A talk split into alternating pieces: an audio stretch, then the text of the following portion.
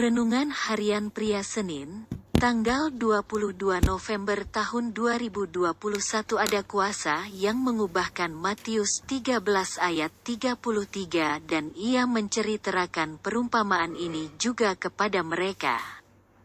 Hal kerajaan sorga itu seumpama ragi yang diambil seorang perempuan dan diadukkan ke dalam tepung terigu tiga sukat sampai hamir seluruhnya.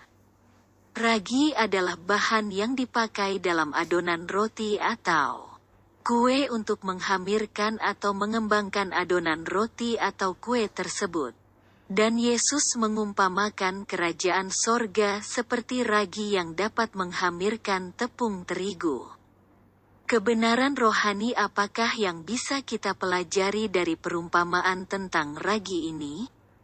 Ragi walaupun kecil dan sedikit jumlahnya tetapi dapat mempengaruhi banyaknya tepung, jika ragi itu dicampurkan dengan tepung terigu.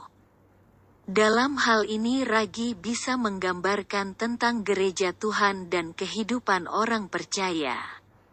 Walaupun gereja dan kehidupan orang percaya yang kecil dibandingkan dengan dunia yang besar.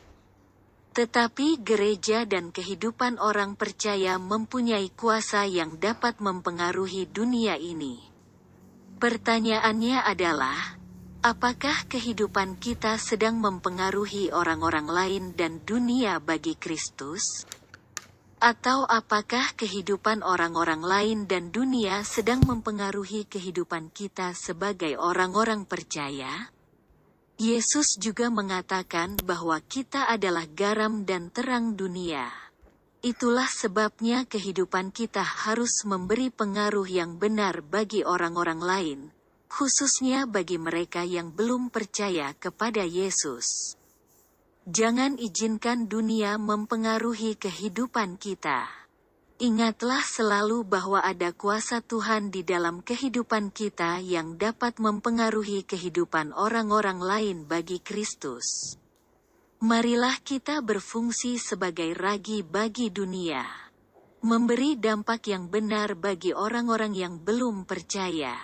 Refleksi diri, apa yang firman Tuhan katakan kepada Anda? Bagaimana kehidupan Anda dengan firman Tuhan itu? Catat komitmen Anda terhadap firman Tuhan itu.